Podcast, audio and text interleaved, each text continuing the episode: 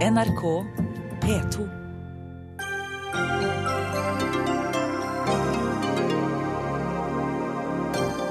Kulturministeren har kastet styret i Norsk Tipping, men benekter at dette er uttrykk for misnøye. Toril Vidvær forklarer hvorfor hun mener det er på tide med et skifte, og Arbeiderpartiets Rigmor Aasrud forklarer hvorfor hun er skeptisk.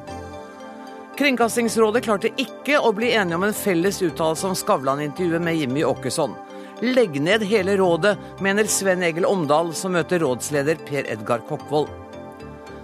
EU-lederne kan ta i bruk militærmakt for å bekjempe menneskesmugling i Middelhavet. EU-toppmøtet diskuterer krisetiltak nå i ettermiddag.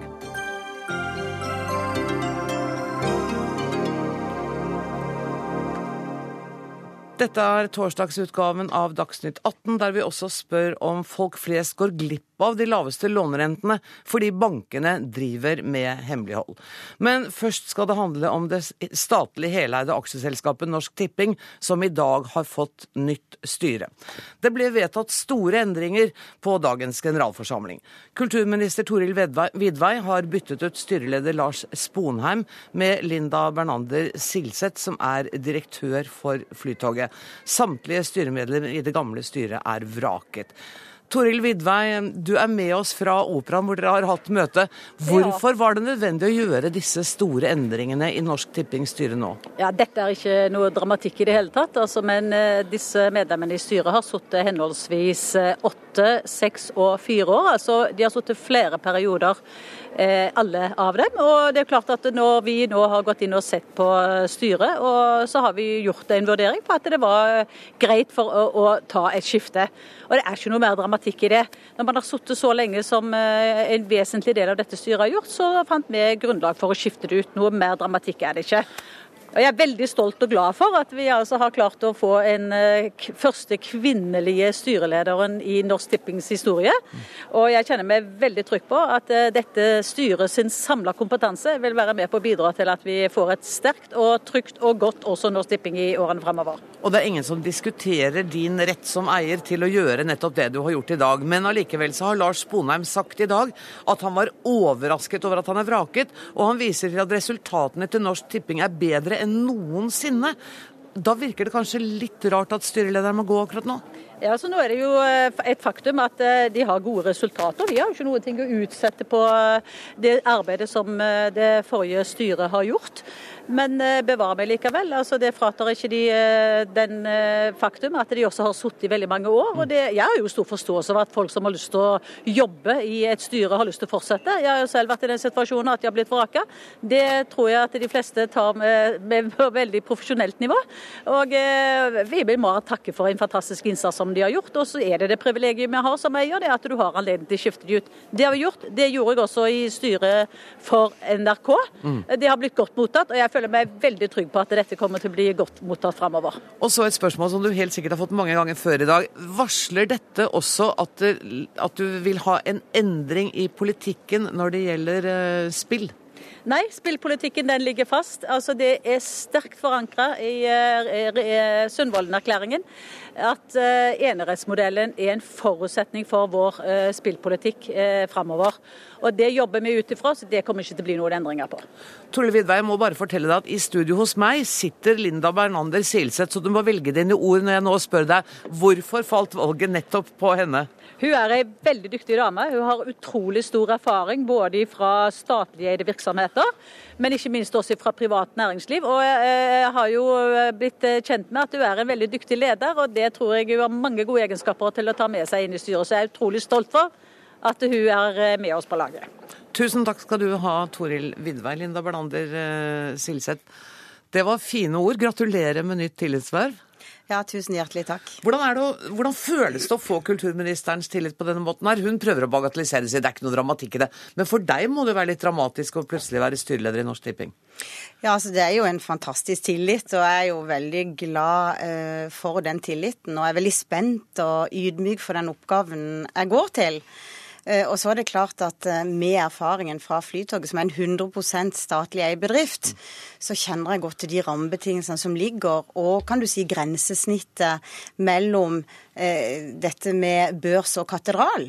Og jeg gleder meg virkelig til å ta fatt på å være en los for resten av den fantastiske organisasjonen på Hamar, som sitter og har gjort Norsk Tipping til en statlig suksesshistorie. Og der de virkelig har vært flinke på innovasjon og i forhold til å skape spill som gir glede og opplevelser for folk flest. Ja, de har gjort, det har vært vellykket, men samtidig så har det jo vært relativt skarp kritikk fra Riksrevisjonen. Det må jo du også ta på alvor, da? Ja, absolutt. Så, så, kjenner jo det nye styret godt til nå rapporten som Riksrevisjonen kom med i fjor. Og det er, det er en årlig rutine Riksrevisjonen har. Og jeg tror det er sunt for enhver organisasjon å bli sett i kortene, særlig fra en så kompetent institusjon som Riksrevisjonen. Og det som kommer som tilbakemelding, det er klassisk god tilbakemelding som vi like gjerne kunne fått i en annen statlig eh, virksomhet. Det går på at vi hele tida må ta ut det potensialet potensialet som ligger der i forhold til effektiv og rasjonell drift. Vi må sikre gode overskudd framover, sånn at vi har enda større overskudd å gi til samfunnsnyttige formål, og ikke minst til det viktige arbeidet Norsk Tipping har. Dette med å demme opp for de noe negative konsekvensene som dessverre rammer noen få, nemlig dette med spilleavhengighet. For det ligger også som en del av uh, det dere skal ta inn over dere. Men når du sier at dette er en helt normal rapport, den var jo skarpt kritisk bl.a. til kjerneområdene, til driften av kjerneområdene og til effektiviteten. Ja, men fremfor alt så lå det, tror jeg, en, en stor eh, invitt og bevisstgjøring der fra Riksrevisjonen til både eier, Kulturdepartementet og til styret og til ledelsen i Norsk Tipping, at her kan det kanskje tas ut et effektivitetspotensial. Mm. Her kan dere kanskje være mer ambisiøse i forhold til å sette dere nye mål for, for fremtiden.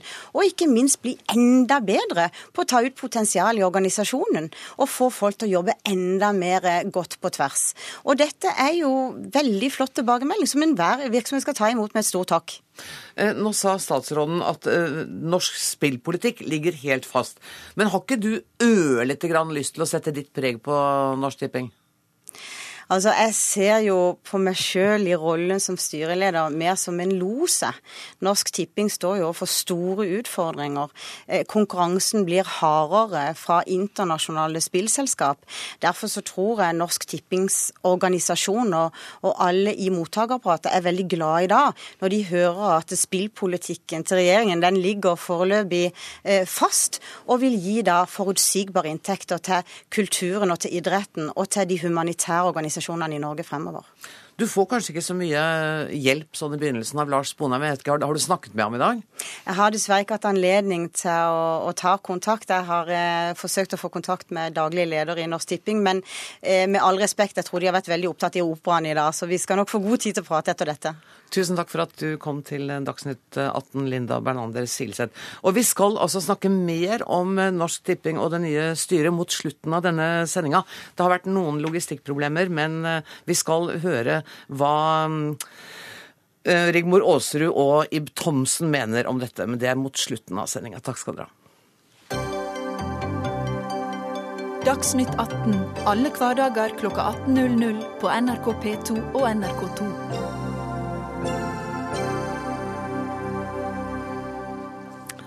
Flere enn 1700 mennesker har hittil omkommet i forsøk på å krysse Middelhavet på vei til Europa bare i år. Det anslår Amnesty International. Nå må EU ta imot langt flere flyktninger og øyeblikkelig styrke redningsarbeidet i Middelhavet. Det krever FN. Akkurat nå sitter stats- og regjeringssjefene i EU samlet for å diskutere denne flyktningekrisen. Og NRKs europakorrespondent eh, Åsmarit Befring, du er på den italienske øya Lampedusa som har tatt imot mange båtflyktninger. Hva skjer der nå? Ja, nå har de akkurat eh, gjenåpnet det mottaket som eh, ligger her på øya. 320 plasser.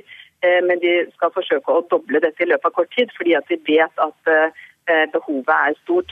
Jeg snakket akkurat med Amnesty International, som kom ut etter å ha vært inne på mottaket og snakket med flyktningene som sitter her. Og De forteller at flyktningene her er veldig takknemlige. De fleste er helt utslitte, men veldig glade for å være på tørt land.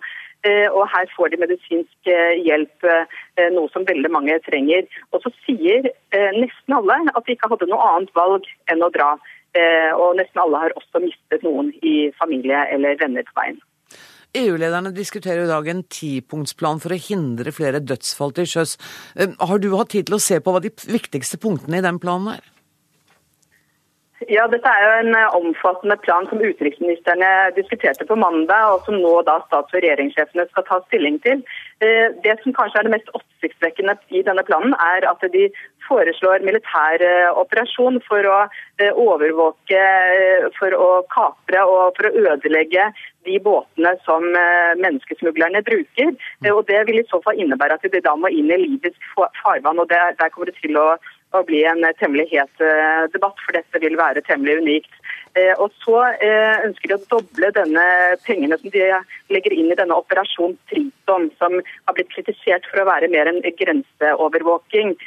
Og de sier at de skal utvide området de skal operere i, men de skal ikke endre mandatet. Dvs. Si at de fortsatt da ikke skal drive med noe søk etter, etter flyktninger, slik som FN og slik som Amnesty og andre organisasjoner mener er nødvendig for å redde liv. Nei, for Jeg ser jo nå at det har kommet en pressemelding fra Høykommissæren for flyktninger nå i ettermiddag, og de krever at EUs eh, ledere får på plass en statlig ledet, robust, proaktiv og vel, eh, altså med gode mm, ressurser eh, for å finne eh, disse flyktningene og for å hjelpe dem. Og de vil også at de skal ha kanaler for en sikker og stadig migrasjon. Dette stemmer jo ikke med det som eh, handler om militære eh, intervensjoner i forhold til disse skipene. Det er helt klart at eh, Her snakker man egentlig om to forskjellige ting. Hjelpeorganisasjonene og FN mener at man nå er nødt til å starte med å redde liv. Man kan, man kan også gjøre andre ting parallelt, men fokuset bør være der. Mens da veldig mange EU-ledere ønsker å diskutere andre ting, som f.eks. Hvor, hvordan man skal ha en fordelingsnøkkel på flyktninger når de er reddet, eller hvordan man skal hjelpe dem i landet de kommer fra, og hvordan man da skal angripe de som står bak å ødelegge dette nettverket. Eh, men FN, Amnesty og andre mener at eh, der man må sette trykket nå, er først og fremst å redde alle de som kommer.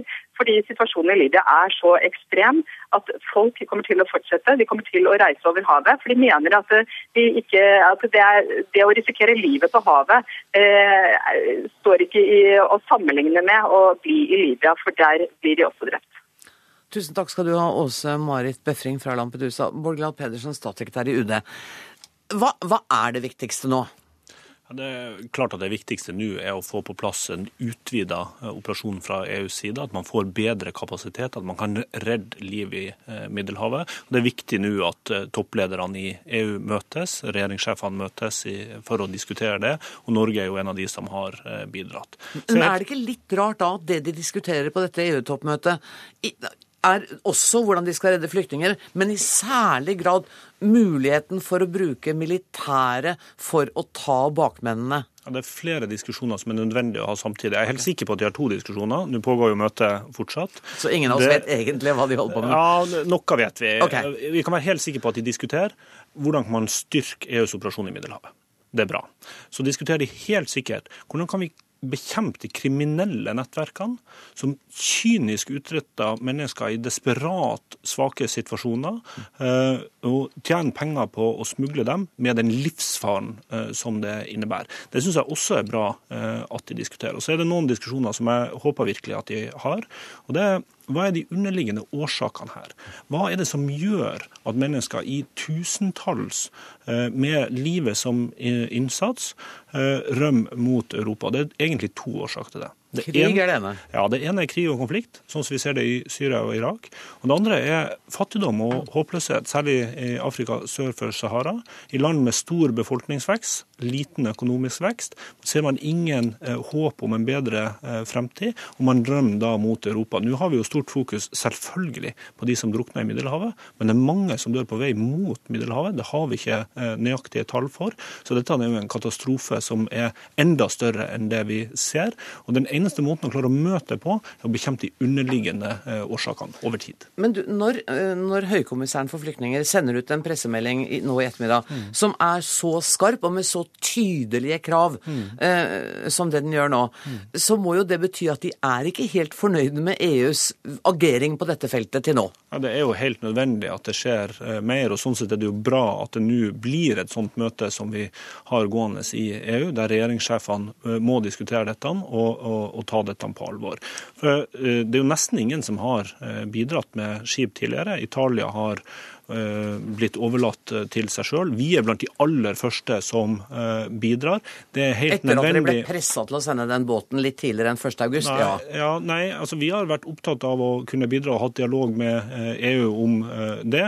Og det er ingen som kan lene seg tilbake og si at man er fornøyd med innsatsen. Vi står foran de største flyktningkatastrofene siden andre verdenskrig. Altså Syria det er altså Fire millioner flyktninger i nabolandene, åtte millioner internt fordrevne i Syria. Vi ser migrasjonsstrømmer fra fattige land eh, sør for Sahara, der man ikke ser noen håp. Så Det som trengs, er en kombinasjon av tiltak som inneholder en skikkelig eh, evne til å redde folk på havet i Middelhavet, eh, bekjempelse av kriminelle nettverk, humanitær nødhjelp der det er krig og konflikt og katastrofer. Og så er det en utviklingspolitikk som skaper økonomisk vekst og jobber i fattige land, sånn at det gir håp for en bedre fremtid for unge folk der. Det er det lange perspektivet. Hvis vi tar det helt akutte perspektivet. Av alle de momentene du nevnte nå, hva er det viktigste den norske regjeringa nå kan bidra med, bortsett fra den ene båten som dere nå har? Humanitær nødhjelp i krig og konflikt. Vi er blant de største bidragsyterne. Vi har økt bidraget i år med en halv milliard kroner, og det kommer til å bli behov for eh, enda mer. Vi har større flyktningkatastrofer enn vi på noe tidspunkt tidligere har hatt, og verden er nødt til å stille opp for å håndtere det. og Norge må også gjøre mer i den sammenheng. Tusen takk for at du kom, Bård Glad Pedersen, statssekretær i Utenriksdepartementet.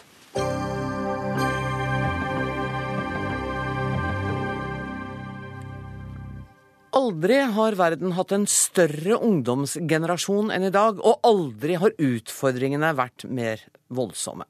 Barneekteskap, tenåringsgraviditeter og seksuelle overgrep er noen av de temaene Laura Lasky er i Oslo for å diskutere med norske myndigheter. Hun er FNs befolkningsfondsspesialist på seksuell og reproduktiv sunnhet. Welcome, Laura Lasky. It's so good to have you here. Thank you for inviting me. This is great to be here. Good. I'm so glad you say that because just before you came in, we were talking about um, the catastrophe now unfolding in the Mediterranean.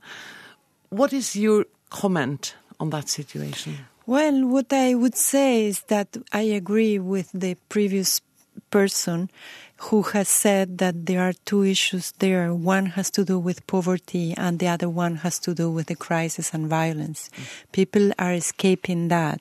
I will think that the majority of the people who emigrate are young people they have dreams. They want to chase those dreams. Mm. And if we don't invest on those, you know, education, uh, job skills, and the health of these people, they will continue to escape their own, you know, very poor situations in which they live. Yeah. Laura Laski sier altså at eh, stordelen av menneskene som flykter, er unge mennesker med håp og drømmer om å skape seg en bedre framtid. Hvis verdenssamfunnet ikke klarer å gi disse menneskene god utdannelse og god helse, så vil den katastrofen bare fortsette. But apart from that catastrophe and the tragedy in the Mediterranean, What are the main global challenges with regard to the 8.2 billion people who are young, under 24 in the world today? Yeah, it's a big generation, mm. and the main challenges we have to divide it by groups. But one of the main challenges for adolescent girls is that there are 14 million adolescent girls that are married against their will every year in the war. That means that under they, 18 are they? Under 18. Okay, yes. I have to translate that. Det er altså 14 millioner jenter under 18 år som blir tvangsgiftet hvert år. Mm. And the families, they are a liability for their families. They don't believe in their that they have assets, that they can learn, that they can contribute to their communities, that they can really form a family once they have the skills to enter into the labor market, for example. They don't believe on that. So because they are poor, the families marry them off against their will, against really their will. So they would have preferred to stay in school, but they can't. They can't. Are they, when they get married, are they illiterate?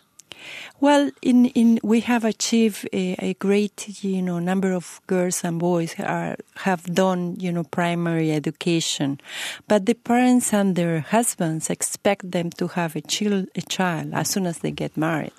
So you have many, the majority of adolescent girls in the world who are mothers are married. So it's not that th- these are girls who, no. you know, are sexually active. Nine out of ten adolescent mothers are married.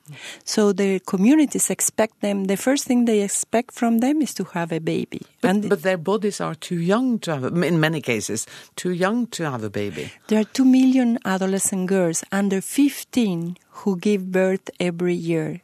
2 million. And they have they are really at high risk of maternal morbidity and mortality. They can die in childbirth. Mm. so you know, our organization is working to, to address this issue, which is an, a very, very urgent issue to address. Det er viktig å, å, adressere dette problemet så fort som mulig, sier Laura Lasky, fordi disse kvinnene er i en stor risiko, og jenter på under 15 år eh, har altså en større fare for å dø i barsel enn en voksne kvinner. Is your organization well funded? Well, we never, we are never well funded enough to resolve the issues of the world, and particularly this issue, because it requires a lot of different approaches. It's not just one intervention. You don't give a vaccine and people don't get, uh, you know, they don't get married or don't get pregnant. You need much more than that. You need education. You need uh, sexual and reproductive health education in schools, but also sexual and reproductive health services. You need need to work with the parents, with the community, several interventions that are very complex and requires much more than what we have, of course. Men hun sier at det nytter ikke, og bare, det er ikke noe quick fix. Det er ikke en sprøyte som ordner dette. Dette er et langsiktig prosjekt. But Are you yet really, hopeful? Yes, I am oh, very hope, very hopeful because with the programs we have in countries like Niger, we are seeing a lot of change. Niger has one of the highest child marriage in the world. And so the girls there, when they go through our programs, now they are marrying later they are using uh, contraceptives even if they are married, and so they don't want to get pregnant immediately so that they can get the skills to get into the labor market. If they are not educated, they cannot get into the labor market. They can learn about themselves, their bodies, they can learn about, you know, the difference, why they are married to men that are, you know, five years older than themselves or 10 years older sometimes. They are starting to be empowered and resist this kind of uh, mandate that the families, or plan that the families have for them. Mm. Kvinnene må få makt over eget liv, so the empowerment of young women is essential. Laura Lasker, time is running so fast, but I have to say thank you so much for coming to Dr. No, thank you for inviting me, Anna. Thank you. Thank you very much.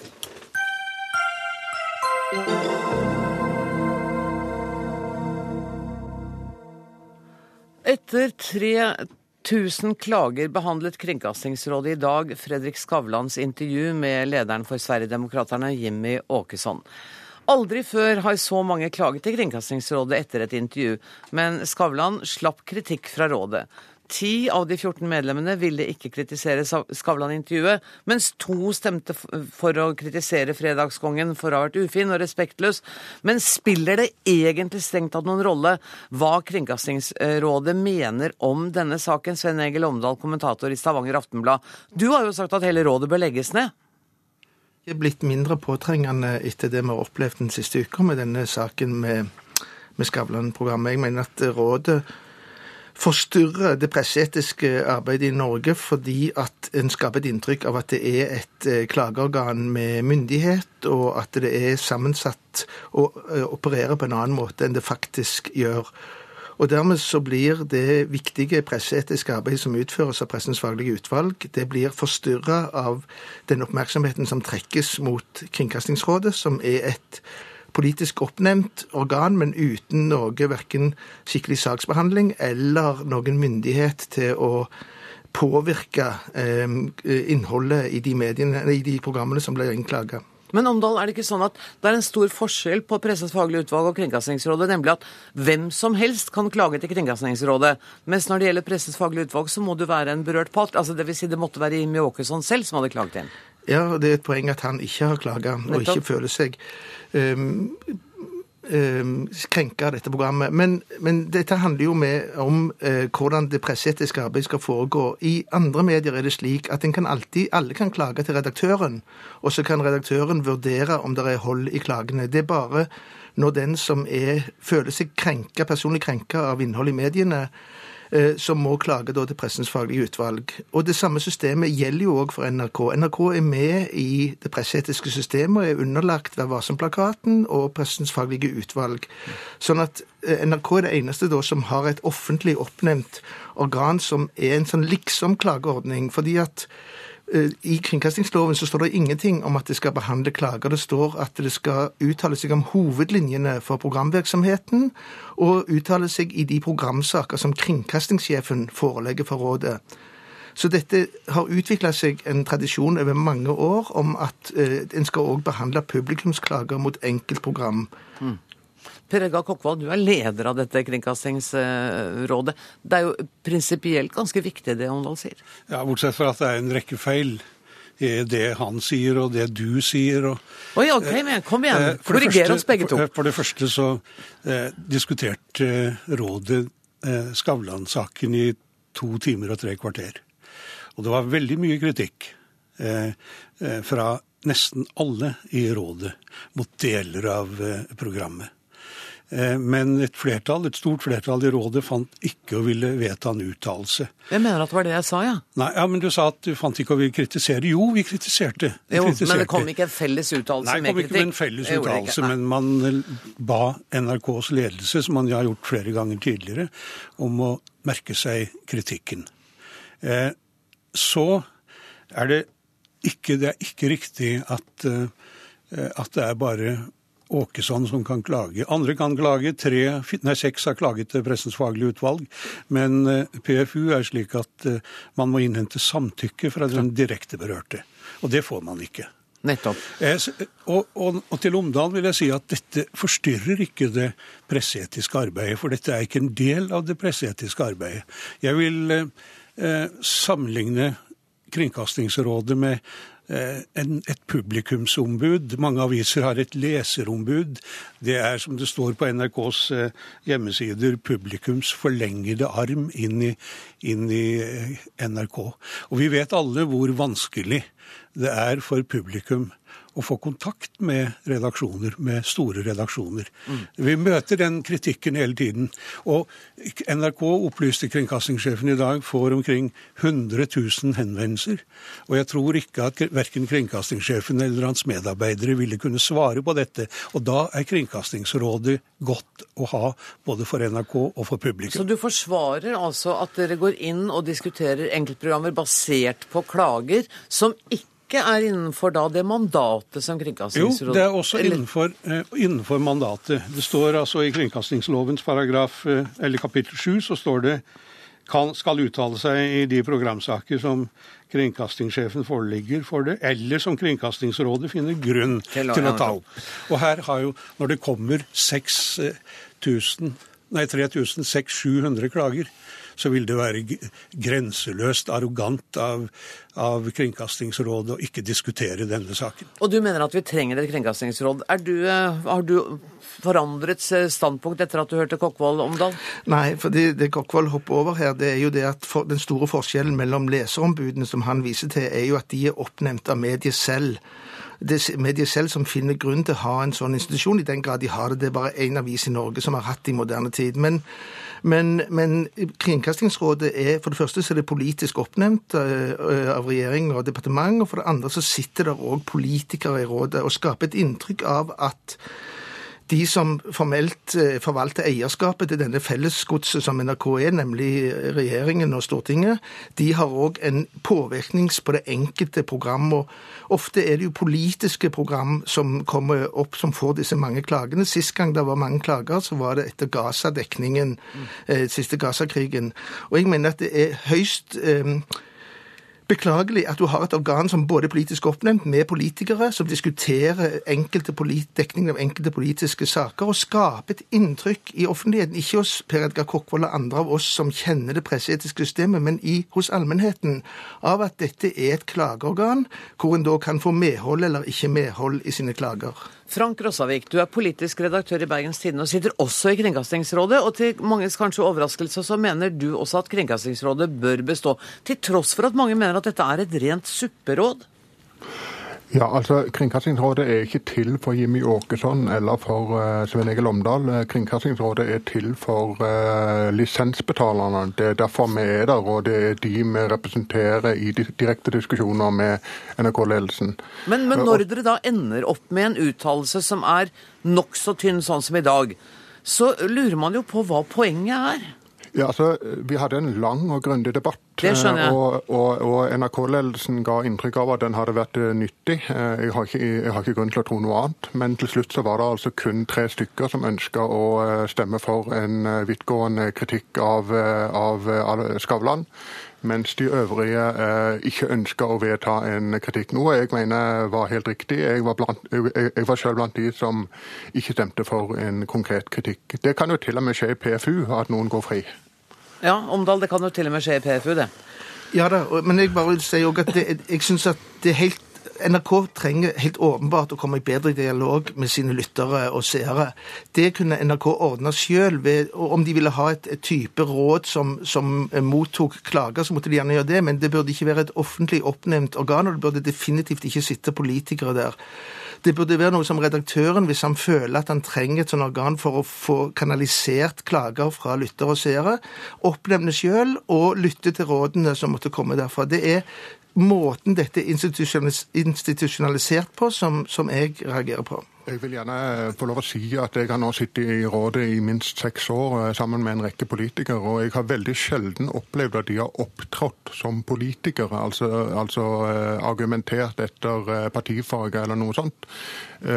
Fordelen med politikere er at det er en måte å skaffe et representativt utvalg på, fordi, fordi politikerne representerer jo folk. Og, og, hvis du har med noen som har en fortid i Høyre og noen med en fortid i Arbeiderpartiet, så skaper du et bredt, et bredt panel panel. Og I tillegg kommer da fagfolk, sånn som f.eks. meg. Men Omdal, ditt poeng er vel at, vi, at NRK selv, altså at kringkastingssjefen selv burde oppnevne et råd som han føler han har behov for, at vi kan droppe hele Kringkastingsrådet? Ja, og han kunne lagt program både på radio, TV og på nett hvor han diskuterte NRKs programvirksomhet hvis han ønska det. det. Det, står, det hans eh, klare rett som redaktør. Dette rådet er han blitt påtvunget gjennom lov, eh, og det er myndighetene som oppnevner medlemmene i rådet. Og jeg syns det er veldig rart å høre en mann som Frank Rossavik av alle si at politikerne kan liksom gå ut og inn av politikerrollen som, som det måtte passe dem. Jeg tror at det, en politiker som sitter i Kringkastingsrådet, er selvfølgelig samtidig òg en politiker. Men altså, Svein Egil, du har aldri vært i Kringkastingsrådet så lenge jeg har vært der. Kanskje du skulle komme en tur og jo, se hvordan disse, disse politikerne opptrer? Jeg var der sist i august. Ok, Vi, vi gidder ikke å snakke om når dere har vært der. Eh, Kokkvold, men ser du ikke i det hele tatt at det er noen prinsipielle sider ved dette jo, rådet? Jeg ser det, ja. men, jeg, men, jeg, oppfatter det ikke som en del av presseetikken. Eh, men som sagt, som en, som en eh, som publikums forlengede arm inn i NRK. Og den nye regjeringen har da lagt vekt på å opp, oppnevne fagfolk. Eh, det er altså åtte som oppnevnes av Stortinget, inklusiv lederen for samisk programråd, og så er det seks fra, fra eh, oppnevnt av regjeringen. Og regjeringen, denne regjeringen har lagt vekt på, på eh, fagfolk. Det er derfor jeg er, jeg er den første ikke-politiker eh, i hvert fall på svært lang tid som ikke er der. Og rådgivere har jo kringkastingssjefen. altså Direkte rådgivere kan han oppnevne når som helst. Og jeg tror som Rossavik jeg, jeg, har sørget, jeg har bidratt til at vi ikke har fått politiske debatter, men at vi har løftet dem opp til fagdebatter, enten det har dreid seg om Midtøsten eller nå om eh, behandling av politikere. Og jeg mener at vi må ikke kriminalisere politisk virksomhet. De representantene som sitter der fra partiene, representerer sunn fornuft, common sense. Og som eh, Voltaire sa, at common sense is not that common. Uh, Sven Egil Omdal, du føler sikkert at du blir skutt på fra begge sider men av folk med samme type skyts. Men det høres jo ikke ut som det kommer til å skje noe med dette Kringkastingsrådet akkurat nå, da? Nei, men dette er jo et prinsipielt spørsmål som må tas opp til prinsipiell debatt. Og jeg tror det fine med denne enorme oppmerksomheten omkring dette Skavlan-programmet er at prinsippene òg blir synlige, og at en kanskje kan få en friere debatt om dette rådet, hvis en skal ha noe sånt, bør innrettes på en helt annen måte enn det slik det nå er. Tusen takk for at dere deltok i denne samtalen, Per Edgar Koppal, Sven Egil Omdal og Frank Rossavik. Hør Dagsnytt 18 når du vil. Radio NRK NO.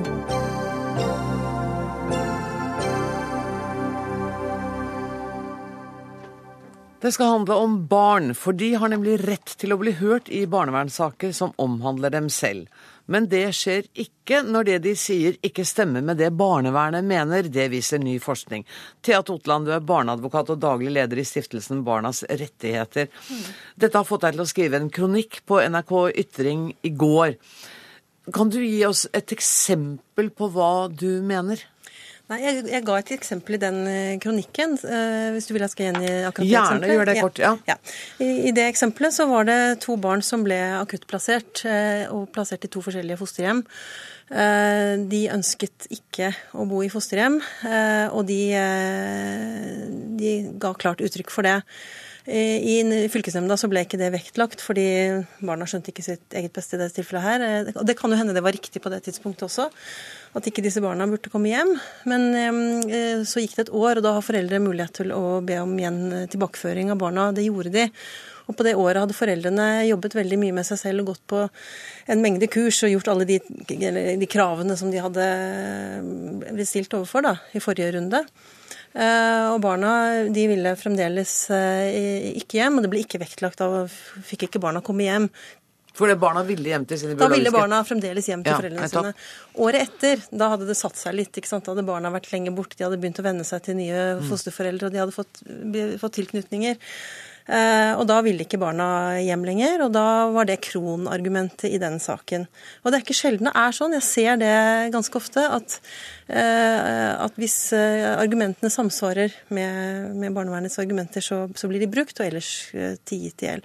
Men det som også var poenget i den kronikken, var jo at barn generelt ikke blir spurt. Altså, de blir ikke, de blir ikke foreholdt at de har en rett til å uttale seg dersom de ønsker. Og det er jo det som jeg syns er det mest problematiske. Solveig Horne, barne-, likestillings- og inkluderingsminister. Dette er jo ikke bra å høre for deg? Nei, og jeg blir eh, opprørt, oppgitt, fordi for det at vi er politikere og, og så, vi vedtar lover.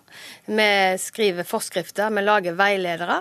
Eh, der vi på en måte da òg forventer at de som jobber med barn, faktisk leser dette og tar det inn over seg. Og de senere årene nå så har altså barns rett til medvirkning blitt styrka. Det barn skal bli hørt. Det er tverrpolitisk enighet om, og det er derfor det blir gjort lovendringer òg. Og så vet vi det at det er forskning som sier veldig klart at når barn blir tatt med på, i prosessen, så blir både hjelpetiltakene har mye bedre, de gir bedre effekt.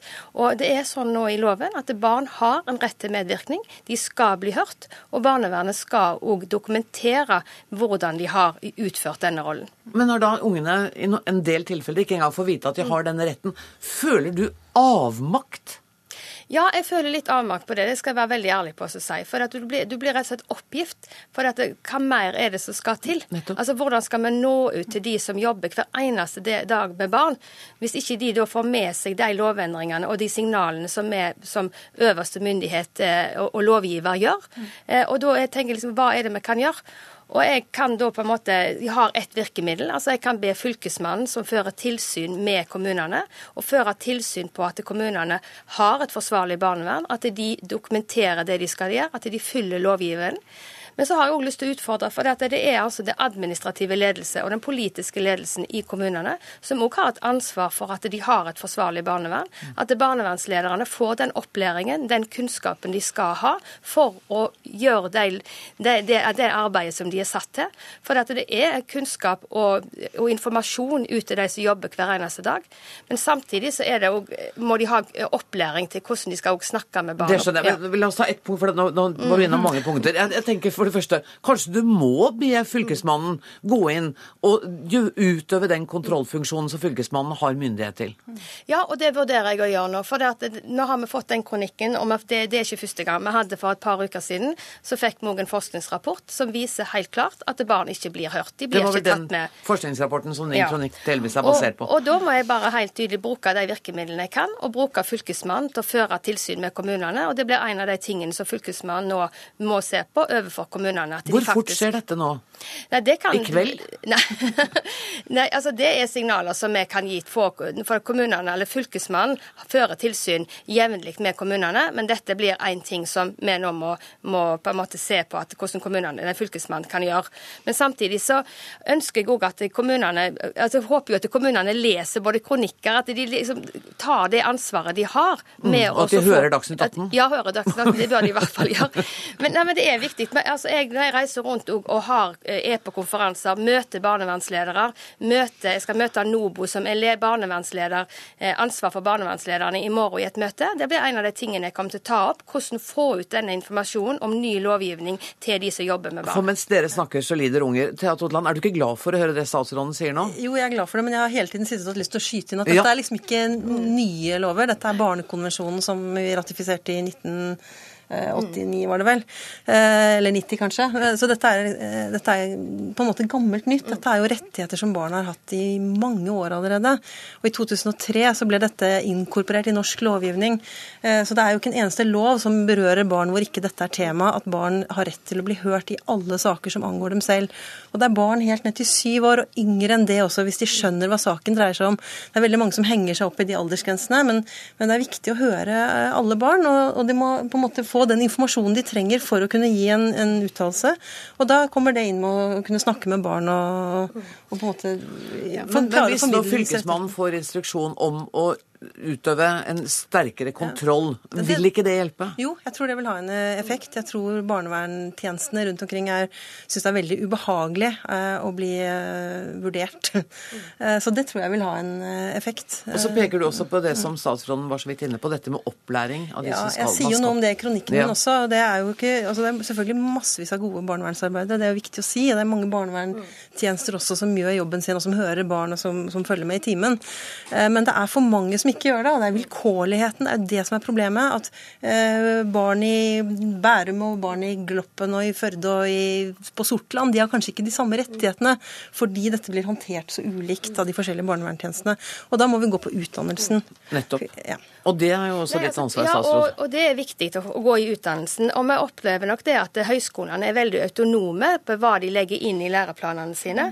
Og vi politikere sier at nå må de lære om å snakke med barn. De må få kunnskapen på hvordan de skal håndtere barn som blir utsatt for vold og overgrep. Og da må det òg inn i utdanningen. De må lenger utdanning. Ja, det kan òg være at de må. Men jeg er òg veldig glad for det eh, Landsforening for barnevernsbarn og Forandringsfabrikken som jobber med barnevernsproffer. Det har de nå et opplegg opplegg med 114 kommuner, som da er, får opplæring fra barnevernsproffene, og hvordan er, de opplever det. Og jeg tror veldig mange barnevernsansatte har fått seg en aha-opplevelse når de har faktisk møtt barnevernsproffene og sett hvordan de opplever den, sin hverdag. Vet dere hva, Jeg har ett ønske, og det er at vi tre aldri behøver å møtes for å diskutere dette problemet en gang til. Men dere skal ha hjertelig takk for at dere kom i dag, Thea Totland og Solveig Horne. Takk.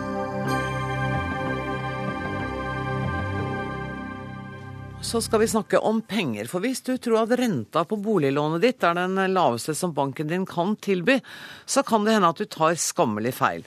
Det er nemlig sånn at banken tilbyr lavere rente til f.eks. nye kunder. Og noen av de som har tatt seg bryet med å prutte på renta, sier at de har spart tusener av kroner hvert år.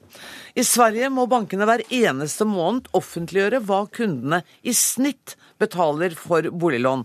Og Eli Ystad, direktør for personmarked i BN Bank. Dere har jo lyst til å ha et lignende system i Norge. Hvorfor er det umulig?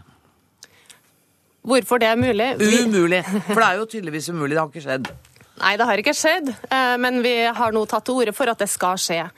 Eh, vi i BN Bank ønsker at det skal være enkelt og oversiktlig for kundene å ha boliglån. Og vi mener at en åpen og ærlig prising eh, av boliglån det vil komme kundene til gode. Derfor så ønsker vi at det skal være lett å sammenligne rentene bankene imellom, at det skal være lett å flytte lånet til en annen bank. og Derfor så vil vi gjerne ha et regelverk eller vi vil ha et system som gjør det enklere for kundene å holde seg orientert om hva de faktisk betaler reelt sett. Men nå er jo dere en litt spesiell bank, for at dere har en fast prisliste, og hvor det ikke er prutningsmonn. Så det er kanskje litt lettere for dere enn for de bankene hvor man kan diskutere med den enkelte kunde og komme fram til ulike løsninger? Ja. Jeg kan kun svare for BN Bank, men BM BN Bank har en modell der vi eh, behandler kundene likt. Vi legger objektive eh, kriterier til grunn for våre vurderinger. Og så er det ikke alder, utdanning, yrke eller fagforeningsmedlemskap som bestemmer renta du skal få. Det er rett og slett objektive kriterier som ligger til grunn. Elisabeth Ralfsen, du er daglig leder i Finansportalen. Dere er altså en tjenester fra Forbrukerrådet som hjelper forbrukere med å sammenligne f.eks. renter på boliglån. Hva syns du om dette forslaget? Jeg syns vi har et bedre system i dag. Okay. Fordi det er ikke så veldig godt kjent. Uh, jeg har ikke hørt om det, så kom igjen. Det bankene skal vise i dag og markedsføre og rapportere inn på Finansportalen, det er den vanligste renten som låntakerne tilbys. Uh, og så er det masse regneteknisk uh, statistikk og sånt noe, men det skal i hvert fall være en representativ rente som skal innrapporteres og markedsføres. Og den skal være begripelig for meg, det tallet? Ja, ja. Og den blir egentlig bedre forbrukeropplysning i mine øyne enn gjennomsnittsrente. Du kan tenke deg hvis en bank har tre kunder, og den ene får 2% rente og de to andre får 4% rente, så er gjennomsnittsrenta til den banken 3,33% Ingen får den renten. Mens etter kravet om representativitet, så vil den banken måtte publisere at det er 4% som er vår vanligste rente. Så det blir litt regneteknisk dette her. Men, Nei, men jeg skjønner det. Og Eli Ystad, er ikke det mye bedre system? Nei, jeg tror ikke at det nødvendigvis er et bedre system. Jeg syns at Finansportalen er et veldig eh, viktig verktøy for norske bankkunder. Der kan du holde deg oppdatert i dag. Men eh, Finansportalen viser ut den representative renta. Den viser den beste renta du kan få for et gitt produkt. Eh, Finansportalen og den beste renta sier ingenting om hva kundene til den banken reelt sett betaler for det produktet. Ok. Eh, I Dette må vi bare få oppklare. Eh, ja, vi er vel kanskje ikke helt enige om dette. For, for dette, disse kravene til markedsføring de står i veiledning til finansavtalens paragraf 46. Og, og, og, det er eh, bankene pliktig til å markedsføre og innrapportere. Det er de kravene som er i det norske regimet. Men, men for meg, da, som, som bankkunde, som, som, gjerne vil ha eh, en lavere rente, hvem av dere skal jeg høre på? Jeg blir forferdelig forvirra nå. Jeg syns jo du skal høre på meg. Ja, så overraskende. det er viktigere å vite hva hovedmengden av en banks kunde får i rentetilbud. Ja enn hva som er snittrenta. Eller Eli Ystad, hvis bankene skulle komme til å gå inn på dette, hvilke konsekvenser ville det få for forbrukerne? For forbrukeren så tror jeg at eh, Eller den enkelte forbruker vil få en bedre løsning. Fordi at eh, det vil være enkelt for kunden å holde seg oppdatert på om en har en bedre, lik eller dårligere rente enn den gjennomsnittlige renta. Og det, den skal da oppdateres måned for måned. Og så eh, mener vi at hvis at vi driver fram en åpen ærlig prising av boliglån, så vil det være lettere for kundene å sammenligne eh, rentene i de ulike bankene. Eh, og det vil være enklere å ha kunnskap om man virkelig har den renta man mener man fortjener, eller ikke. Men, og men... Sånn sett så mener vi at det vil eh, gjøre markedet mer oversiktlig og påvirke konkurransen positivt, og da til beste for norske bankkunder over tid.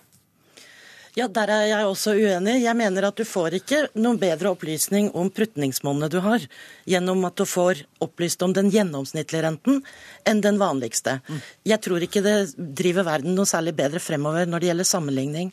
Det Men Elisabeth Ravsen, hva sier du til Eli Ystad som sier at i, i, hennes bank så er det helt faste kriterier? Det er ikke min alder eller min utdannelse eller kjønn eller noe sånt som spiller inn. Burde burde det være flere banker som opererte etter faste kriterier? Ja, nå, nå har jo BN Bank også fått mye publisitet for sin prismodell. Ja. Eh, det er ikke innenfor på en måte det jeg tror er realistisk å oppnå i vårt uh, samfunn. Å oppnå at myndighetene regulerer bankene til å operere med faste priser. Men bør vi ikke vente på myndighetene. Bankene kan jo gjøre som Eli Ystad sier, i BN Bank, bestemme sjøl at her har vi de kriteriene. Ja, altså Åpenhet om kriterier og ja. prismodeller er alltid bra. Og ja. nå har BN Bank fortalt at de gir bare én rente til, mm. eh, til alle. Eh, det, men, men, det å gå løs på avtalefriheten, som er en viktig demokratisk rettighet, det mm. tror jeg ikke er innenfor rekkevidden av det vi, vi, vi vil oppnå. Og jeg har også lyst til å pe peke på at eh, hvis det er nå sånn at BN Bank faktisk gir faste priser til alle sine kunder, så er det jo pålagt å gjøre risikovurderinger av den enkelte kunde. Her, det er en misforståelse her nå, jeg må bare bryte inn. Ja, for vi har, en, vi har en åpen prisliste, og vi gir, opplyser alltid den beste prisen vi kan gi. Det er ikke prutingsmonn for BN Bank sine kunder. Nei, det så tror jeg for... ikke noen påstår heller. Nei, Men uh, det er ikke sånn at uh, alle BN Bank-kundene har den samme prisen. Nei, men dere har en pris... prisliste. prisliste. Mm, ja. men, men, jeg tenker litt sånn, er det god kundeservice å ikke kunne tilby lavere rentesats basert på de personlige opplysningene du får? Ja, Vi mener jo i BN Bank at uh, pruting i utgangspunktet er ineffektivt. Altså, eller For det første, for de kundene som ønsker å, å drive med pruting, og ofte pruting overfor banken sin for å sikre seg at de har en god rente, så er det greit. Vi mener at eh, det ikke er effektivt for kunden og for banken å drive med pruting. Vi, vi vil drive så effektivt som overhodet mulig, og gjennom en effektiv drift kun love ut lave renter over tid. Vi har altså i dag invitert eh, både DNB, Handelsbanken og Den danske bank om å komme og delta i denne samtalen, men det hadde de ikke anledning til. Derfor sier jeg takk til dere, Eli Ystad og Elisabeth Realfsen.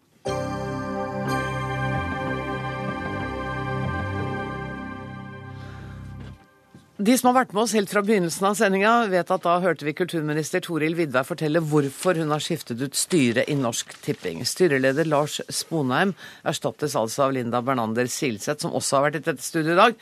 Um, og Ib Thomsen, du er kulturpolitisk talsperson for Fremskrittspartiet og medlem av familie- og kulturkomiteen. Du har i dag tidligere vært klar på at et nytt styre i Norsk Tipping handler om politikk.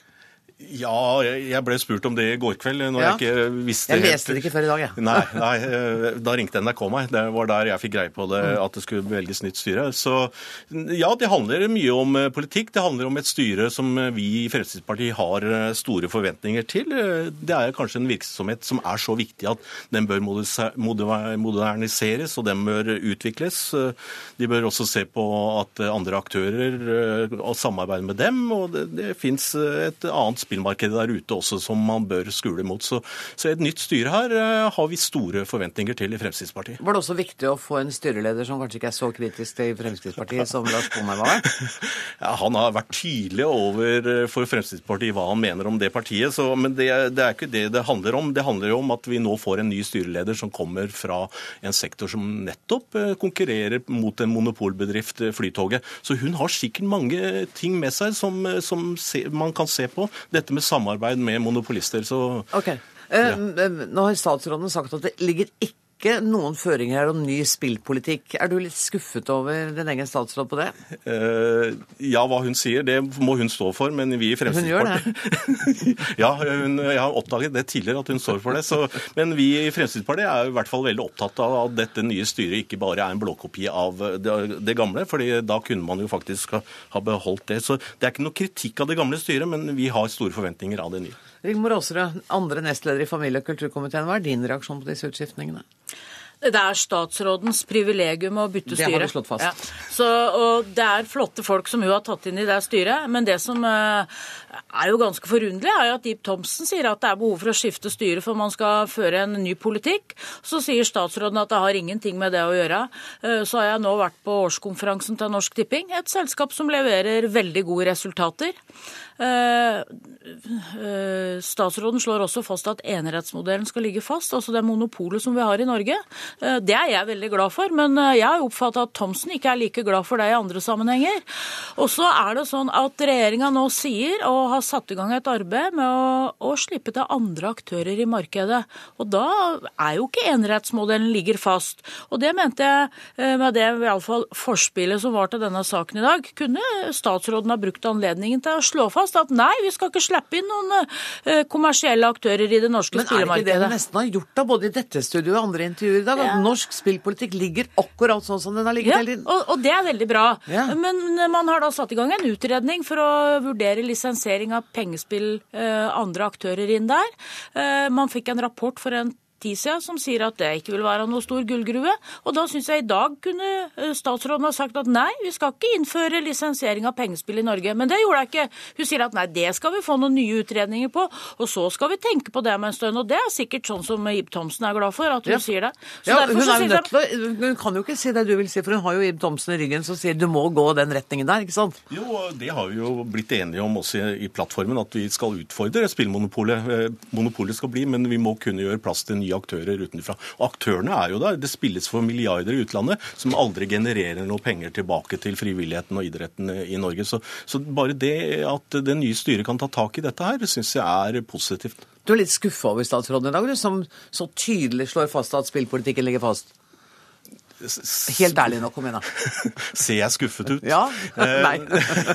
Eh, nei, vi diskuterer det nye styret, og som sagt så syns jeg det er spennende. Eh, man velger jo ikke nytt styre bare for å ha et nytt styre. Da kunne det gamle like godt eh, fortsatt. Da mener jeg at da må vi kunne ha forventninger til det nye styret. Og da har jeg ramset opp en del eksempler som jeg syns de bør ta med seg. Men, men statsråden sier jo at grunnen til utskiftningene rett og slett er at folk har sittet i flere enn to perioder, og det er den eneste grunnen. Stoler du ikke helt på det? Jo, jo, jeg stoler selvfølgelig på statsråden. Eh, men jeg stoler også på statsråden når hun velger et nytt styre og tenker dette er et styre som kanskje kan være mer lydhør overfor politiske signaler i Stortinget. Rigmor Aasrud, er dere kanskje litt bakstreverske når det gjelder, når det gjelder spillpolitikk i Arbeiderpartiet? Nei, det er vi ikke. Vi er opptatt av at vi skal ha et ansvarlig spillregime. Og så er vi eh, veldig opptatt av at de penga som genereres fra spill i Norge, det skal gå tilbake til frivilligheten i Norge. Altså skolekorpsa, idretten. De som jobber der ute, skal få de penga. Og vi ønsker ikke, sånn som Fremskrittspartiet og regjeringa for så vidt ikke klarer helt å få bestemt seg for, da, at de penga skal deles med kommersielle aktører. Selskaper som er registrert på Isle of Man og Cayman Island og sånne ting. Det er jo de som står og banker på døra og vil inn og ta det norske spillmarkedet. Det mener vi er feil, for vi syns at de pengene penga bør frivilligheten i Norge få. Men kan ikke frivilligheten i Norge få de pengene selv om man skulle utdele noen flere konsesjoner? Nei, da vil jo halvparten ta over Eller eh, jeg tror ikke de selskapene som skal inn i Norge da, vil gjøre det å drive veldedighet. Jeg sier de veldig tydelig. De jo, vil jo inn i Norge for å drive, drive business. Eh, jeg har ikke opplevd noen av de selskapene som ønsker at de bare skal gi bort pengene sine. Overskuddet, de vil ha en deling av det, og deler av overskuddet vil da gå til eh, kommersielle aktører. Det er vi uenige i. Og så blir det litt litt sånn dobbelt når man sier at ja, vi ønsker at spillmonopolet skal bestå, men så skal vi slippe til konkurrenter. Altså, Du kan jo ikke være litt gravid. Og da kan du ikke ha et litt monopol. Ib Thomsen, jeg skal ikke spørre deg om graviditeten, men det andre kan vi snakke om. Ja, det, det er ganske interessant det Rigmor eh, Aasrud sier. Altså, De spillselskapene i utlandet vi snakker med, de sier at de ønsker en lisens i Norge. og Da mener jeg at en lisens bør bestå av samme regler som det eh, Norsk Tipping driver under. og Da har man de samme reglene. Men det Rigmor Aasrud ikke sier, hva gjør vi med alle de penger som spiller ut av landet, mellom 5 og 10 milliarder kroner, som ikke genererer noe tilbake? Da lukker lukker Arbeiderpartiet øynene og mm. sier at det skjer ikke noe, for det vil vi ikke skal skje. Men de gjør faktisk det. Så, så det er ganske interessant når man ikke vil ta inn over seg at det spilles for så mye penger, som igjen kunne generert mer penger til idretten og frivilligheten i Norge, bare fordi at man ønsker å vareta et monopol. Man har jo opphevet ja, monopol før. Det argumentet, det har vi gjort. Det Med stort hell, ja da. Ja da, det fungerer bra, det. Men hvis jeg er helt enig i at det er et problem at veldig mange nordmenn spiller eh, på ulovlig spill i utlandet. De markedsfører seg for mange milliard, millioner kroner i Norge.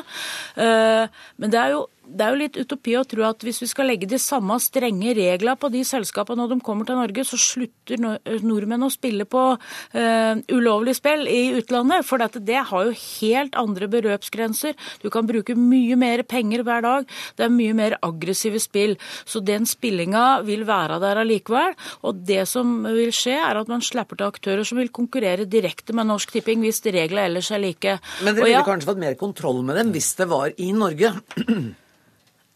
Ja, men hvorfor kan vi ikke da bare sørge for også at Norsk Tipping får utvida sine spill? Sånn at vi har ordentlig, ordentlig, ordentlig kontroll på det. Og hvorfor kan man ikke bare stenge internett, som Rigmor mener? ikke sant? For da slipper folk å spille i utlandet. Ikke sant? Det er ikke så enkelt. Det spilles faktisk i utlandet. Nå, nå, ble det veldig mange spørsmål, og vi har ikke tid til å besvare noe av noen av dem. I hvert fall ikke det som gjelder internett. Tusen takk for at dere kom til Dagsnytt 18, Rigmor Aasrud og Ibe Thomsen. Jeg skal bare helt til slutt fortelle at ansvarlig for sendinga i dag var Alf Hartken. Det tekniske ansvaret har eh, Marit Marianne Myrhol, og jeg heter Anne Grosvold. Ønsker deg en god kveld.